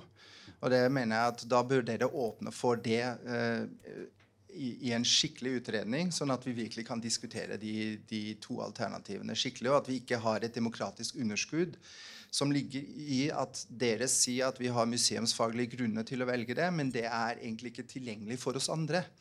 Så jeg har gjort det her sammen med gode venner og kolleger på kjøkkenbordet. Vi har ikke det samme grunnlaget som dere har. Men jeg tror det er viktig for at denne, denne beslutningen også står seg i 30 år til, når vi har diskutert nå i 30 år, at vi gjør det skikkelig, og at dere er åpen for også å gjøre tilgjengelig grunnlagsmateriale, og at dere da går inn i en diskusjon som gjør at det er skikkelig forankra både demokratisk og i hele befolkningen. Men, men, Betyr det en prosess med i detalj å prosjektere to-tre ulike alternativ helt og fullt da, på hvilke funksjoner skal ligge hvor, så er jo det forprosjektet? Ja, men Da må vi beslutte at forprosjektet tar to alternativer. Det er også et alternativ som Råd for byarkitektur f.eks. For foreslår. Margrethe? Det, altså, jeg lurer på om vi kan snakke litt om, om, bærekraft mer. fordi det er jo noe som dette Trondheimsalternativet holder frem. Og så noe jeg tror mange av oss, litt sånn uavhengig av hvilket alternativ vi går for, er opptatt av. Og jeg synes at det er også en ting som dere bør ta med dere videre når dere jobber mer eh, med disse forslagene. Fordi det skrives jeg tror det var tre sider om sosial bærekraft. Men det var også det. Og sosial bærekraft er vel og bra, og det handler om å gjøre museer og samlinger tilgjengelig for nye grupper. og sånn. Men vi kan ikke på en måte i 2023 ikke snakke om det på en måte med å bygge nye bygg når vi har bra bygg som kan gjøres noe med. Det, det vet vi jo. Og ikke ta hensyn til det. Men også det økonomiske. I det ikke sant, at man kan da bygge et bygg i gangen Og ha det ene. sant? At, at, man faktisk kan porsjonere ut utgiftene for samfunnet. For økonomien nå eh, er jo helt annerledes fra da man begynte å tenke på dette her. Man, I KVU-en så ser man det på Nasjonalmuseet som et stort forbilde. Og nå ser vi at Nasjonalmuseet var sannsynligvis det siste av de store offentlige byggeriene i den fantastiske oppgangstiden som vi nå har lagt bak oss. Det er jo det vi ser på nå. Hvor realistisk er det å se på Nasjonalmuseet som et forbilde? Men, men det, altså, det, jo, det, får jo vanvittig med oppmerksomhet når du bygger noe stort, noe svært. noe altså, Folk kommer jo hit både fra den ene og den andre plassen. Du ser hvor stor interessen er i Oslo, f.eks. Og Munch-museet med. Sant? De har jo ikke Nidarosdomen, vet du. Vi skal ikke ha et monumentalt bygg. Det, det, er ikke poenget. Vi skal ha et funksjonelt bygg. Og det er knadd og knadd og knadd på funksjoner og behov, synes vi. Og så hører jeg andre oppfatte at det ikke er. Så eh, det får vi nå jobbe videre med inn i neste faser. Bærekraft er absolutt et poeng å, å uh, ta med, legge vekt på, og det har mange fasetter, som du selv er inne på. Det ligger et eget klimagassbærekraftvurdering uh, som ligger som vedlegg til KVU-en. Det er det utreda. Sosial bærekraft er løfta, det er ganske riktig. Vi har prøvd å løfte også det økonomiske perspektivet på driftsbærekraft. ikke sant, som er en sånn type dimensjon. Så har du, som du peker på, økonomi eh, i, i alle sammenheng. Og så er det alltid en sånn hvilke, Hvordan ser både materialvalg, hvordan ser byggeprosesser ut, hvordan ser dette ut? Altså det er en del x-er i det. Det betyr ikke at jeg ønsker at vi skal være lettvint på det, for det er en viktig dimensjon inn i også forprosjektdelen å tenke knytta til, til, hvordan dette kan løses på best mulig måte. Så vet jeg at folk også feier meg litt av når jeg sier det kommer til å bli bygd noe annet på Løitenhaven en gang. Det kommer ikke til å være en parkeringskjeller og en parkeringsplass midt i egentlig også uh, indrefileten av Trondheim. Kan vi diskutere hvor langt ut den til enhver tid går. Hva blir alternativet? Hvordan kan dette, uh, dette, hva blir alternativbruken også knytta til det? Og så kan du si ja, du kan isolere bærekraftsperspektivet til det ene prosjektet, men det er en del av en totalitet som også skal tenkes framover. Og jeg er glad for at dette prosjektet blir under, uh, virkelig ettergått på bærekraft. Eh, og kan stusse over at en del andre prosjekter ikke opplevde det samme. Men det betyr ikke at ikke vi skal stilles krav til i denne videre fasen. Og Trondheim kommune og fylkeskommune som medparter i dette. Men er ikke det bærekraftig, da, Margrethe? Der har jo du en kjeller som ligger der fra før, som du Sissel kommer inn her. Da blir det mer Da blir det støv, kanskje også mer penger. Der har du noe. Du trenger ikke å ødelegge kulturminnet som er der. Uh, nei, men du må jo føre opp enorme mengder med betong og stål og glass. Da. Og mm. alt det har et klimaregnskap som skal betales. Mm. Det er, det, det er egentlig litt sånn åpenbart. Men jeg har lyst til å snakke litt om det med drift og bærekraft også. fordi at nå uh, har jo gode venner og kolleger som jobber på de store museene i Oslo, som har fått nye bygg. da. Ikke sant? Og så snakker vi med dem året etterpå. og det, altså, elsker Nasjonalmuseet. Jeg synes det er helt fantastisk. Mm. Sørger over at Nasjonalgalleriet ikke blir brukt lenger. Ikke sikker på om det var en riktig beslutning, men wow, for et flott bygg. Mm. Så det er jo ikke mer surpomp enn det. Uh, Munchmuseet not so much. Men uansett, det de sier nå, nå forstrekker de seg. Nå har de lagt opp til skiftende utstillinger på løpende bånd. Og dette her er en økonomi i som de må ha økt egeninntjening. Og de de får ikke gjort ferdig arbeidsoppgavene sine. Det er åpenbart at de har bitt over mer enn de kan tygge og svelge. Vi ser det på ansettelsen. Veldig interessant intervju med um, Øyvind Storm Bjerke, som også i likhet med meg litt av og til litt surpomp. Men, men når han beskriver liksom problemene rundt det Munch-museet, det hjørnet Munch-museet har malt seg inn i, ved å legge opp til en såpass kommersiell drift og være med på et internasjonalt utstillingskjør som krever mer og mer penger. Og så sitter man der, og Kode gjør det samme. ikke sant? Vi skal vel snakke om dette med politikerne, regionpolitikerne og Stortinget og penger og departementet. og sånn, ikke sant? De, de, er jo kjempesure, bergenserne. Hvert eneste år så sier vi får ikke nok penger fordi at de har disse skyhøye ambisjonene som mange her i Trondheim mener at vi også skal ha. Men så politikerne vil ikke gi dem pengene til å drive på det ambisiøse nivået. Det er et gap her mellom ambisjoner og det som er realistisk å få til. som jeg tenker Vi i hvert fall må ta den diskusjonen før vi bestemmer. For jeg synes jo, vil jo på et vis gjerne ha de store utstillingene her også. Fermer i Trondheim. Men seriøst, jeg kan ta tog, da.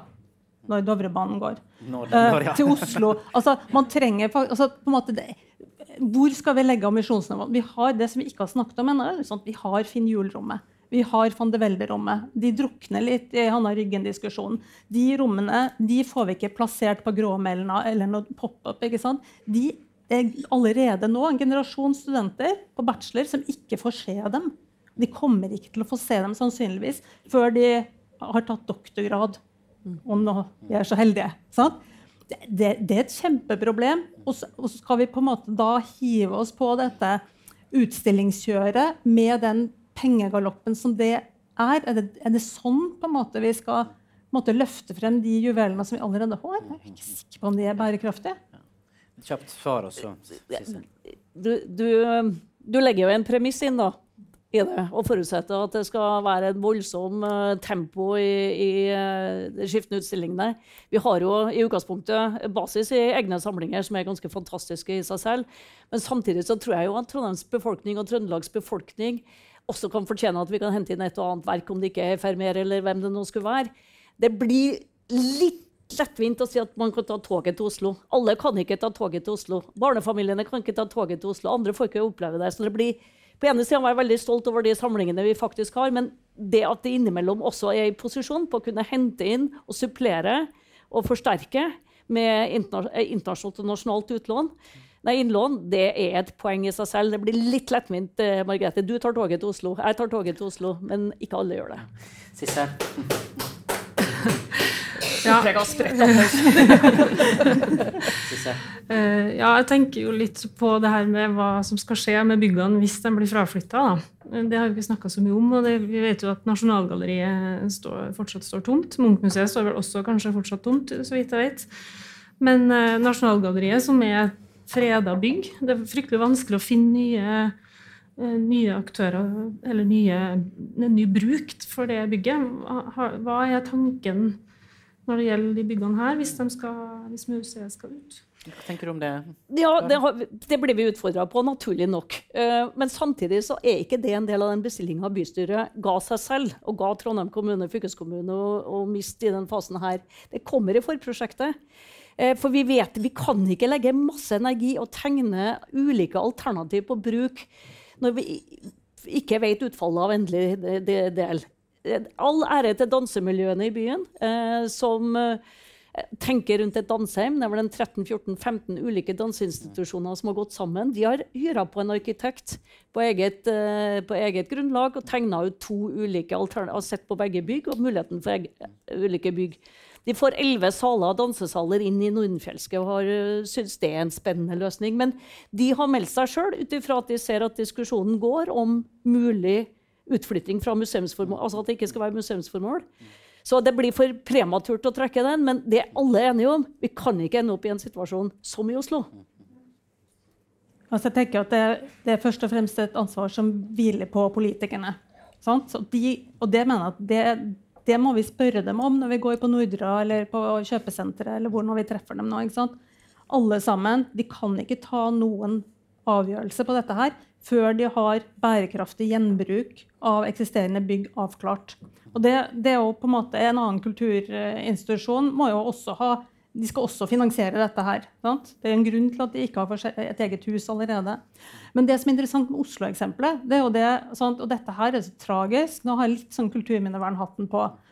Fordi når man skulle utrede det nye museet, så sier man å, Nasjonalgalleriet er helt umulig å ha kunst i. Det er altfor dårlig klima. Det er helt umulig. Det går ikke an. Det går, kan ikke være museum her. Det er et kjempefint bygg, men det er helt ubrukelig som museum. Det er bygd på midten av 1800-tallet. Vi kan ikke bruke det.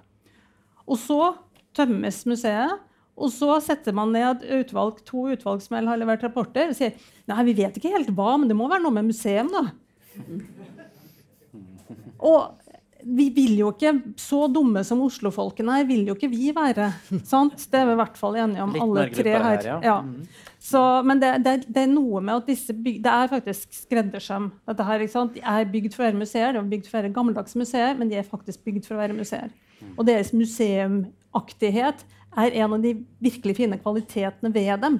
Så uansett hva vi skal bruke dem til, så må jo den, den egenskapen ved dem også være noe som vi tar vare på inn Jeg tenkte vi, vi- skal slippe litt til uh, spørsmål her fra salen litt etter, straks. her nå. Men jeg tenkte bare la oss end of uh, den her, her Her er mange alternativ Mm. som også har kommet opp. Du har hatt Ole Vik, eh, arkitekter som har engasjert seg her, osv. Så videre.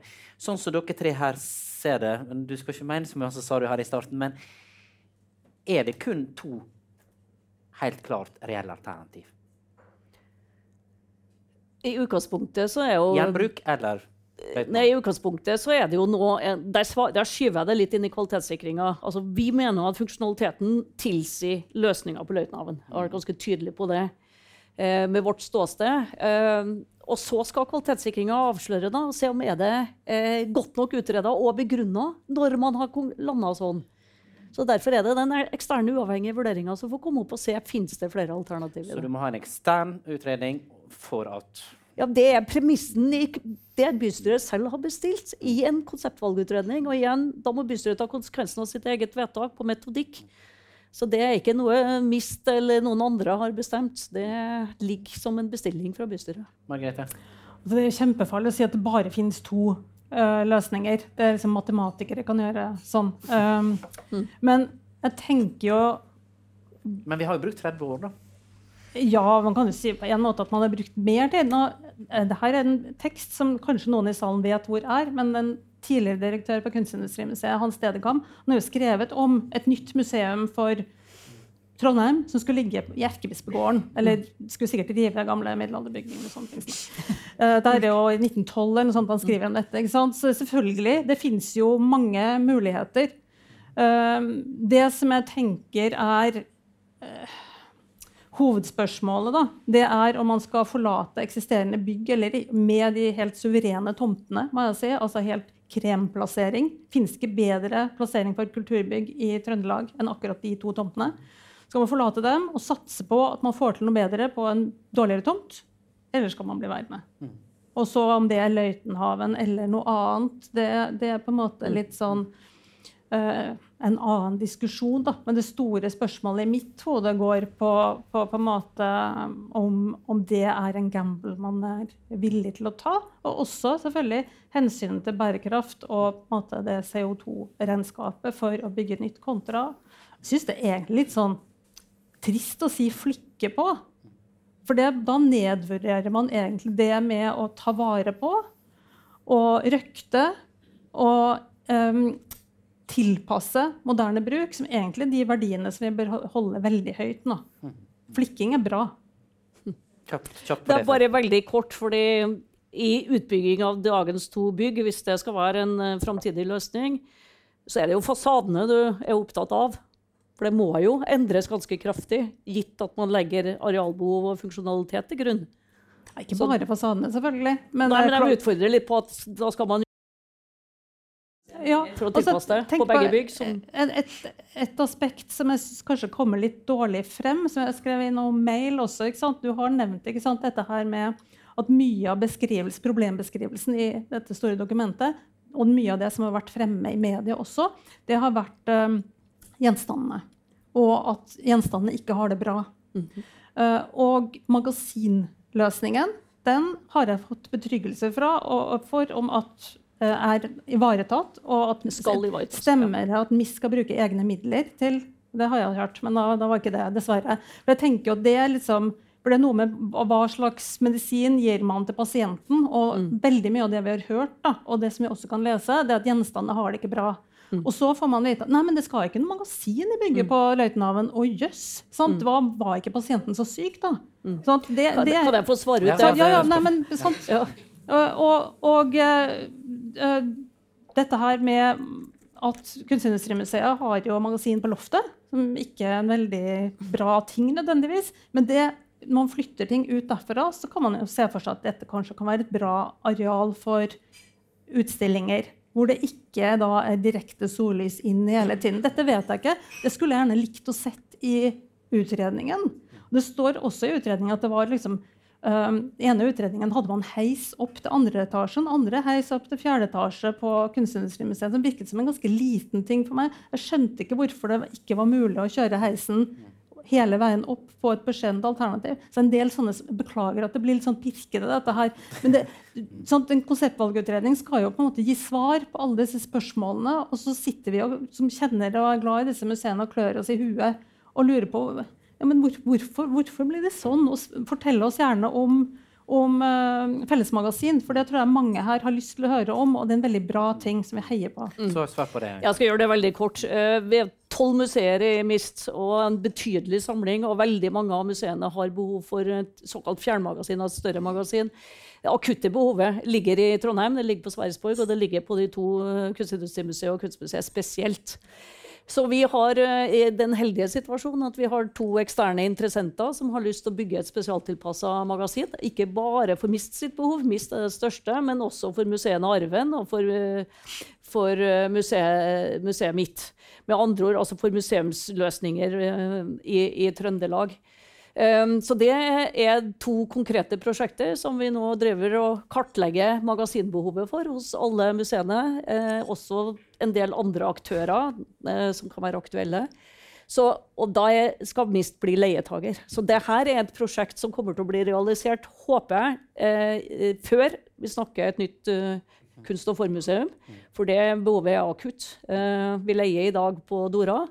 Men har to meget spennende interessenter som vil bygge et spesialmagasin for museumsdrift. Og det er vi kjempeglade for. Og da er det leieutgifter og ikke investeringskostnader. Vi, vi, har tre tunge investeringsprosjekter i MIST på Kulturdepartementets investeringsbudsjett, og vi skal ikke opp med et fjerde.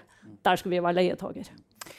Vi skal slippe til litt spørsmål, for å aktivisere dere litt i, i, salen. Og Da ber jeg dere om at det ikke kommer sånn lange utgreininger, for da går jo tida fort her.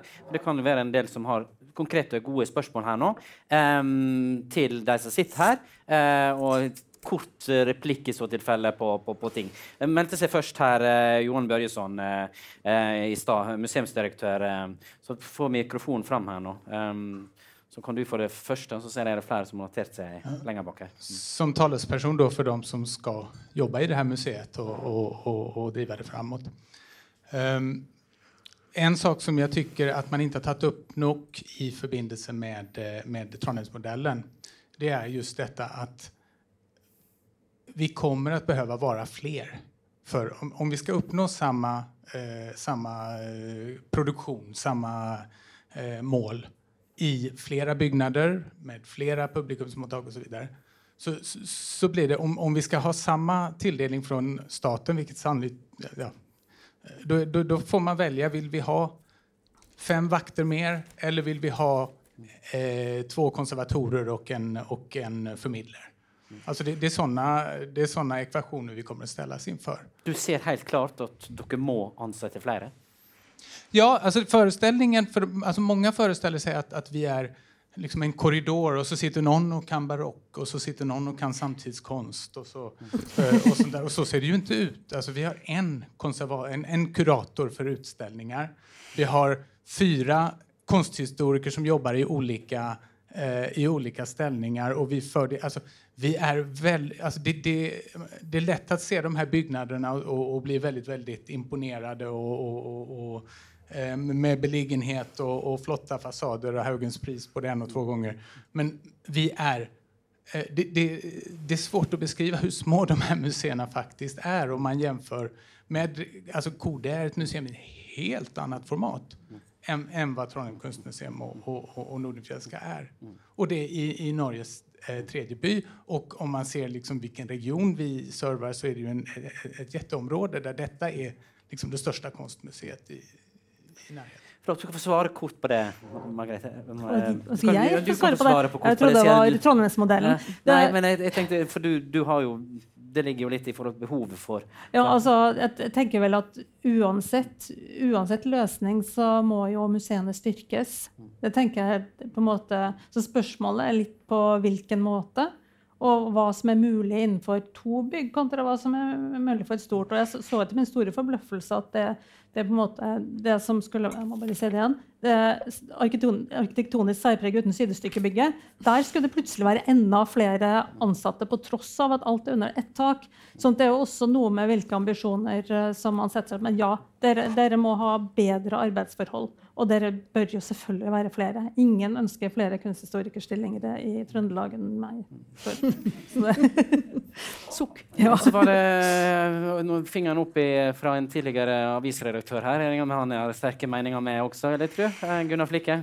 Jeg skal ikke korrigere deg, en gammel kollega, korrigere deg, men jeg må si du burde ha sagt at Margrethe Stang hadde flere verv som er viktige i denne sammenheng. Ikke bare å ta styreleder for Fortidsmedieforeningen i Norge, men også jeg styreleder i sitt styre for Kunstmuseets venner. Og ikke nok med det, vi sitter også i stiftelsesstyret for det bygget hvor museet ligger. Og styret har ikke behandla denne saken ennå. Og vent til Stiftelsesstyret i Norge får vite av stiftelsen som eier byggene. Både begge museumsbyggene ikke har behandla saken. Da blir det jo braduljeskap. Og det merkes ikke alt. Hvorfor har man så hast? Det gamle bystyret som nå forsvinner i løpet av uker, ja, løpet av dager, skal noen få dager den 31. august behandle denne saken. Hvorfor verden skal det styret hvor storparten blir skifta ut? Vi vet de skiftes ut. Ganske mange, i hvert fall. Nøkkelpersoner blir skifta ut, vet vi. Vi vil fortsette. Så skal vi behandle den 31. august. Den blir ikke behandla. Den kommer til å bli utsatt garantert. Du er sikker på Dessuten, jeg må si det som sjokkerte meg mest. New York Times, en av beste avisene jeg vet, sendte jo sine beste journalister til Trondheim. Hvorfor? De oppdaga Hanna Ryggen. Her er det nevnt én gang. gang som er nevnt. Personen nevnte ikke Hanna Ryggen. Hun er nøkkelen. Jeg nevnte Hanna Ryggen. Du nevnte ikke navnet. Jo, jo, jo. Hanna Ryggen. Hun er Norges største billedkunstner. Kvinnelig billedkunstner. Nettopp. Det var forskningsprosjektet Ja, men det sier. Ryggen Hun er Norges største kvinne. Hun er Hun bodde satt på loftet av katedralskolen. Og levde de fleste av henne- Mange har vært og besøkt henne der. Rett på ligger museet hennes, skreddersydd for hennes verker. Og vi har gjemt det sånn at når, når New York Times kom hit, så museet stengt. Jo, du tar ferja ta ferja over til Bredtset, som kalt Brekstad. Og Der fant jeg et bitte lite museum borti en krok. Krok! Innafor kafeen. Der fant New York Times en skandale, sa dem, og det sier jeg òg. Det var spørsmål, Gunnar, men. Eh, men, men det er jo et det, må være sårt for så store, viktige ting at, at når dere er stengt Ja, Det var jo utgangspunktet. Det er problembeskrivelsen. At vi trenger en løsning. Og er, Derfor er det akutt. Og ja, skiftes deler av bystyret ut 31.8, men det vi ber bystyret om å gjøre 31.8, som kommunedirektøren ber bystyret om, det er å gå inn i kvalitetssikringsprosess. Og jeg har prøvd å beskrive gang på gang at det finnes flere faser i det videre rekkefølgen. Altså, hvis et nytt bystyre nå skal starte opp helt på saken igjen, så vil man si ja, men vi trenger mer kunnskap om det. Det er ikke mer dramatisk enn å si vi skal kvalitetssikre det som ligger her. Er du redd for at de utsetter det? Definitivt. Det har jeg vært i en del år. Men- men- Fordi vi men- jeg trenger konklusjon. det. Trenger framdrift. Eh, Jeg, jeg vil bare ta det, fordi at eh, det har vært også en debatt litt inn i dette her med at Trondheim blir glemt i forhold til kunst. I Adresseavisen i dag så skriver eh, en, en journalist utmerket om hvor ofte en eh, kunst blir eh, tema i valgkampen. Og det skjer jo stort sett kanskje aldri her i denne byen. Vi er mer, kanskje mer opptatt av idrett og, og, fotball og, og, og diverse ting. Musikk, ikke minst. Merker dere det? Ja. Er det tydelig? Er det klart? Mangler vi noen som står foran og sier Trondheim, nå må det mer bevilges mer penger? Nå, nå må Trondheim få Blikket må vendes til Trondheim. Jeg tror jo på en, så har jo gode venner i Bergen som mener at Trondheim alltid får så mye. Sånn at det er nok litt med hvor man sitter. Jeg sier de det om, om kultur også? Ja, om kultur. Ja, hva mener de da? Nei, altså, du kan jo snakke om Olavsfestdagene, og det er den største uh, kulturfestivalen i Norge som vel får mest uh, tildelinger. Mm. Og så hvis du tenker på Stavanger domkirke, er jo også en kjempeflott middelalderkirke. Men, det Men nå liksom- tenkte jeg i forhold til kunstbiten. Ja, men dette, dette er jo også kunst, Det, Mm. sant? Det er kultur. Um, der, der, måte, Ivaretakelsen av den er jo et kommunalt anleggende, først og fremst. Så er jo Riksantikvaren tungt inne. Mm. Sant? Men det er ikke sånn som Nidarosdomen, som er en nasjonal nasjonaleiendom. Så litt med brillene man har på. Men uh, de har heller ikke veldig mange Vintersportsentusiasmen i Bergen er vel begrenset, tror jeg. Så det er ikke så mange som ønsker ski-VM der. Og jeg tror jo at mange her kjenner på det at, at uh, for trønderske politikere så blir kultur ofte uh, synonymt med idrett. da. Og at, det, at prestisjen i å få sånne store idrettsarrangementer nok er veldig uh, viktig for mange av politikerne våre. Og eh, det vet, kan kanskje de andre si noen ting om også. Men uh, Karen er vel den som kjenner til begge miljøene best. Du kjenner vel definitivt godt hvor, eh, hvor masse penger en del idrett eh, får, eh, Karen. Lider du? Vi, vi lider av eh, For det første vil jeg si at vi har aktive og gode eiere av Trondheim kommune. En av de fylkeskommunene er en annen, og det er jeg glad for, som er opptatt av museene sine. Eh, Men vi trenger enda tettere dialog. Og det ikke minst jeg savner, eh, er vel at man tar på alvor sine egne politiske vedtak knytta til kunst- og kulturplanen, som sier noe om den posisjonen Trondheim ønsker å ta, med utgangspunkt i hva man har. Hva er neste fase politisk på det? Og da handler det om prioriteringer. Det handler om tydelighet. Det handler om tydelige kulturpolitikere. Og eh, jeg kan ha hjertesukk på, på arrangementssida innimellom i høyeste grad. Så jeg skal ikke si at vi, om vi Ordet lide er jo sammensatt. Vi er som sagt tolv museer, men vi lider av å ikke få løsning på de to kunstmuseene som siden 2006 har hatt vedtak på at det skal lages en løsning. Det lider vi under. Og samlingene lider. Jeg syns jo også Karen startet det hele med å snakke om uh, dette dagens uh, Det er jo et, en, på en måte et politisk oppdrag da, med at museene skal på en måte være demokratiske dialoginstitusjoner og sånne ting som er. Og det er ganske paradoksalt.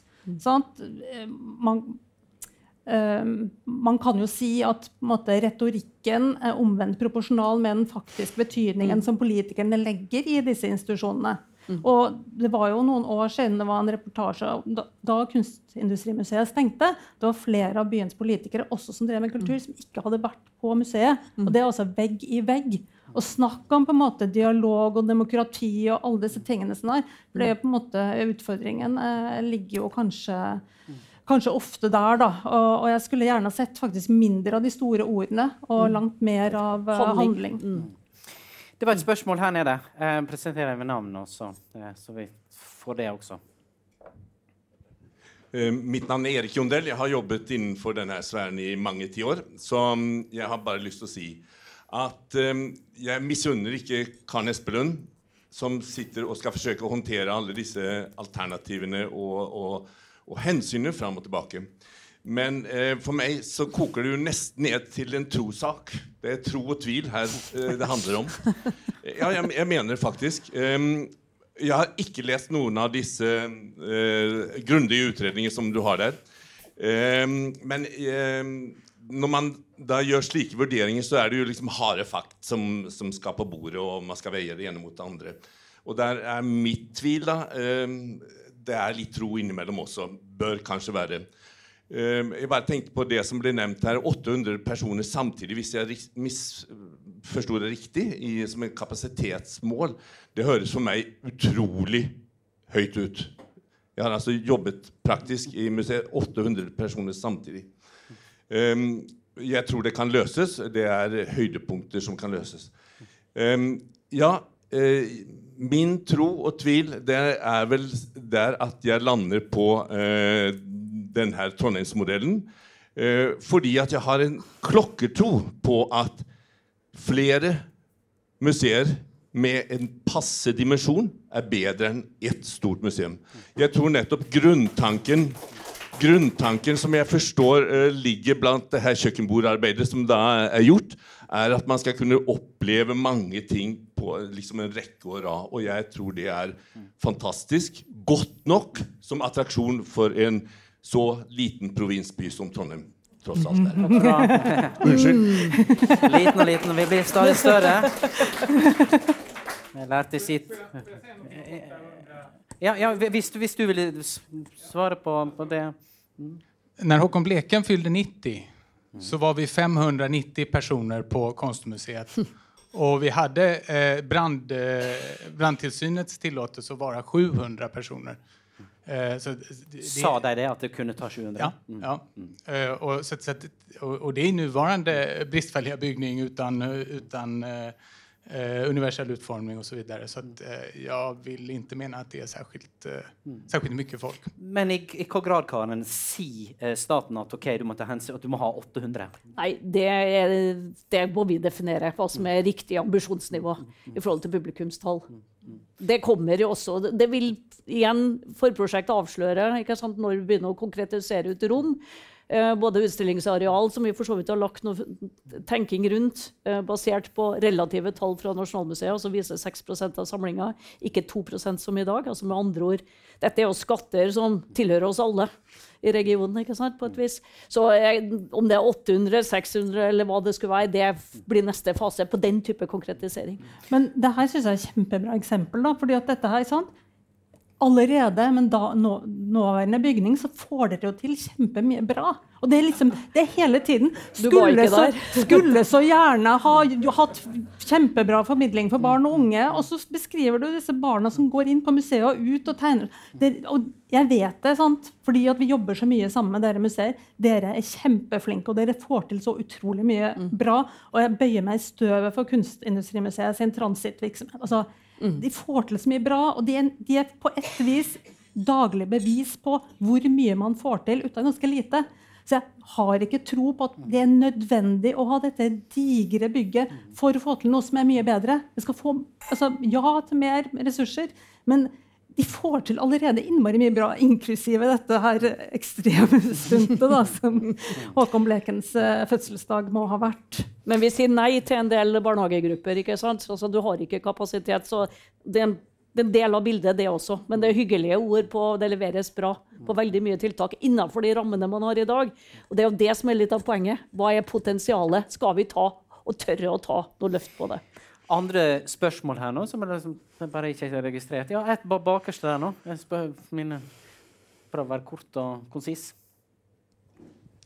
Ja, hei. Det er Greta Steggavik. Jeg sitter i styret i Nordenfjelske venneforening. Og jeg jobber ellers med eiendom. Eh, jeg bare tenkte jeg skulle si noe om drift. Eh, jeg tenker at toalett og garderober og det avlastninga det blir på drift i forhold til mellom ett og to, det er peanuts i sammenhengen der. Um, Hvorfor det? Uh, for det, det Ja, det er renhold. Eh, Det er kanskje en i resepsjon. Og så tar det litt plass, og det koster litt å bygge det. Men det er sånn engangs. Men så, eh, jeg vet jo fra Nasjonalmuseet nå Det var snakk om å få mer penger til faglige folk. Til fagfolk. Men eh, på Nasjonalmuseet så har de 90 verter. Det har gått ned til 60 nå, for at det er kanskje ikke så mye besøkt. Men, og, og får du et teknisk mer komplisert bygg, så trenger du masse mer folk eh, med teknisk kompetanse. Er du redd for at det har ikke Trondheim? Nei, jo. Kompetansen fins. Men jeg tror at blir det et større bygg, så tror jeg det, det er jo interessant å se Dere kan jo finne tallene nå sikkert til Nasjonalmuseet. Men det forholdet mellom fagfolk og teknisk folk, støttefunksjoner, kommer det kanskje å bli annerledes enn dere tror. Det kommer til å bli mye mer til drift. Og forhåpentligvis vedlikehold, da, som det ikke er brukt noe til nå. Det er brukt 40 millioner gjennom, etter at MIST overtok eh, begge museer. Det er tross alt eh, en del, men det er langt fra nok, dessverre. Ja, det er jo brukt på ting som det har vært pålegg om. For det var snakk om her hvordan en skal jobbe med bygg. Jeg tenker sånn eh, Det har vært eh, ikke noe utvikling av byggene. Eh, ikke skal de bare driftes og vedlikeholdes, men de må utvikles. Og det er ikke sånn i, i offentlig sammenheng da, så kan vi jo se litt rundt oss at byggene får bare forfall, og så bygger vi nytt. Vi, bygger, vi river ned skolene, bygger nytt. Sånn, I stedet for at det driftes, vedlikeholdes, utvikles kontinuerlig.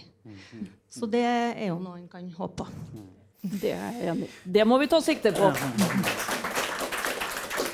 Eh, er, er, jeg tenkte litt eh, En bit som ikke vi har vært inne i, så veldig mye, som ligger inni her også, det, det er jo økonomi. Mm. Penger.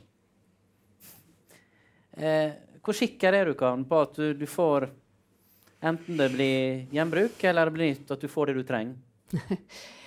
Det krever at denne regionen står samla. Og det er jeg glad for at en del av de politiske partiene sa i møter eh, vi hadde med, på deres eh, ønske i forrige uke også, at når beslutninger er fatta, så må vi stå samla. Ellers så når vi ikke opp i prioriteringene. Um, når det gjelder departementet sine vurderinger og de politiske vurderingene på prioritet, så handler det om gode prosjekt. Hvor langt, ikke, ikke hvem hvor langt sin ligger på lista? det. Ja. Tror det er en sånn liste som fungerer, har jeg skjønt. ja da, eh, og vi har søkt i to år med foreløpig søknad eh, om et nytt museum fordi vi ikke har hatt endelig konklusjon eller endelig kostnadsberegning eller andre ting. Jeg tror jo at man ser med velvilje på et godt prosjekt fra Trøndelag og fra Trondheim. Det har jeg grunn til å tro. Eh, Når vi får det realisert, eh, det tør vi ikke si. Eh, Men den investeringspotten som Kulturdepartementet sitter på, den går ikke til andre formål fordi man politisk prioriterer helse og sosial eller, eller opplæring eller hva det skulle være. Den går til andre kulturprosjekt, andre regioner. Det er derfor det er så viktig å posisjonere seg også samla nå Lobbyisme. om den løsninga eh, som måtte velges til syvende og sist. Eh, når det gjelder finansiering, så har jo kommunedirektøren vært ganske tydelig på med historikken at Nordfjell skal ha vært 100 statlig finansiert fram til 2012. At man forutsetter fire sjettedeler tatt av kostnadsbeløpet tas av stat. Eh, Det har vært den beregninga eh, man har lagt til grunn i Trondheim og fylkeskommunen sin administrasjon videre. Fire sjettedeler. Fire sjettedeler. Ja. Og er- resterende da fra fylkekommunalt? ja, og, og, og selvfølgelig gå også runden og se om det er noen private som vil være med og være med på å investere. KLP i forrige runde, da vi utreda vårt prosjekt i 2021, KLP var ikke uinteressert hvis det ble Løitenhaven osv. Så, videre. så det, den prosessen har det ikke vært mulig å komme i gang med heller, fordi jeg ikke kan gå noe sted med et konkret prosjekt. Ergo så blir du sittende og vente på den beslutninga. Kostnadsramme, da? Hva snakker vi om? Nei, Det som ligger som, eh, som kostnadsramme i Løitenhaven og denne utredninga, ligger på 2,1 milliarder. Mm. Ser du det dyrere billigere hvis du skal ta gjenbruk? Det, det, har jeg ikke gjort kalkulasjoner på. Sannsynligvis vil det rent kronemessig komme noe billigere ut. Men igjen, de er ikke kostnadene for ombygging og ombygging til museumsformål har en annen kostnad enn ombygging til andre formål. Så den er også en del av forprosjektet å gjøre den øvelsen og komme opp med tall. fordi det gjøres ingen investeringsbeslutning nå. Det kommer man tilbake til. Man må ha et forprosjekt som synliggjør dette mer konkret. Så vi kan gå mot avrunding her. Jeg ser klokka tikker fram mot, fram mot ni. Men hva skjer da i slutten av denne måneden i bystyret? Hva er din spådom? Nei, jeg vil her si hva jeg håper på og ønsker. Jeg ønsker at man egentlig gjentar det som er fylkeskommunens vedtak. Fylkeskommunen sier at ja, man tar til etterretning utredninga så langt, og så går man inn i en kvalitetssikringsprosess. Og så skal man tilbake etter den. Så da skal den kvalitetssikre Eksternt uh, kvalitetssikre og se om underlaget er godt nok. Også for de modellene som folk i salen og her sier at de ikke er godt nok utreda. Det blir da vurdert. Mm. Når kan jeg gå inn i et splitter nytt museum? Vi ønska oss til 2030 at det kunne åpne da. Jeg tror du på det? Det var har, snakk om tru her. I hvert fall trua fra ja, mm. Følge Erik, vi må ha litt tro, og det må vi ha tro på og ha ambisjoner om. Men det krever at vi virkelig gjør de kloke beslutningene altså i framdrift, og at man står samla også framover. Margrethe? Ja, altså jeg håper jo at det blir noen eh, gamle bygg som har fått eh, nye verdifulle tilskudd. Og, og jeg håper jo at eh, de kommer én etter én, ikke samtidig. Så tidligste kan jeg håpe på 2029, da, for å være litt sånn litt, ja. Og så se hvordan, hvordan det funker. Um, Sissel? Da forutsetter vi at ikke du graver for mye? Ja. Nei da, jeg har jo ikke noen formening om når et museum skal åpne, men vi skal i hvert fall gjøre det vi kan for å bidra til at det blir en god prosess på det innenfor det ansvarsområdet vi har. Så vi vil gjerne fortsette den gode dialogen eh, også fremover. Så plutselig skulle du finne ei kirke eller to borti her. Da, da, blir det litt lengre tid. Ja, vi har vel funnet nok kirker nå. Finnes sikkert flere. dere, har dere lyst til å høre dette en gang til, gå inn og finne mer detaljer. eventuelt dere kanskje ikke fikk med dere alt, eh, så blir dette her altså tatt opp. Eh, det var en sann eh, glede å være her. Jeg håper vi har bora godt ned i materien. Og så får vi se, da. Bare helt sånn siste spørsmål på tampen burde Trondheim hvis vi skal få til dette, for det er ingen tvil om at her må det lobbyisme til her må det for å få nok penger. Er det et mål da? Bør Trondheim ha den neste kulturministeren? Gjerne. Men eh, det bør ikke være avgjørende. Vi kan ikke ha gamble på det. For det er det ikke vi som styrer tror kanskje at det er egentlig lettere å ta en sånn beslutning hvis det ikke har karakter av å hilse hjem. Jeg hvert fall håper at politikerne tenker sånn. da, At det er rett og slett fordi prosjektet er så bra. Vi får se. Vi sier tusen hjertelig takk eh, for oss. Gå inn gjerne på nettsidene til Litteraturhuset, så finner dere masse spennende debatter framover.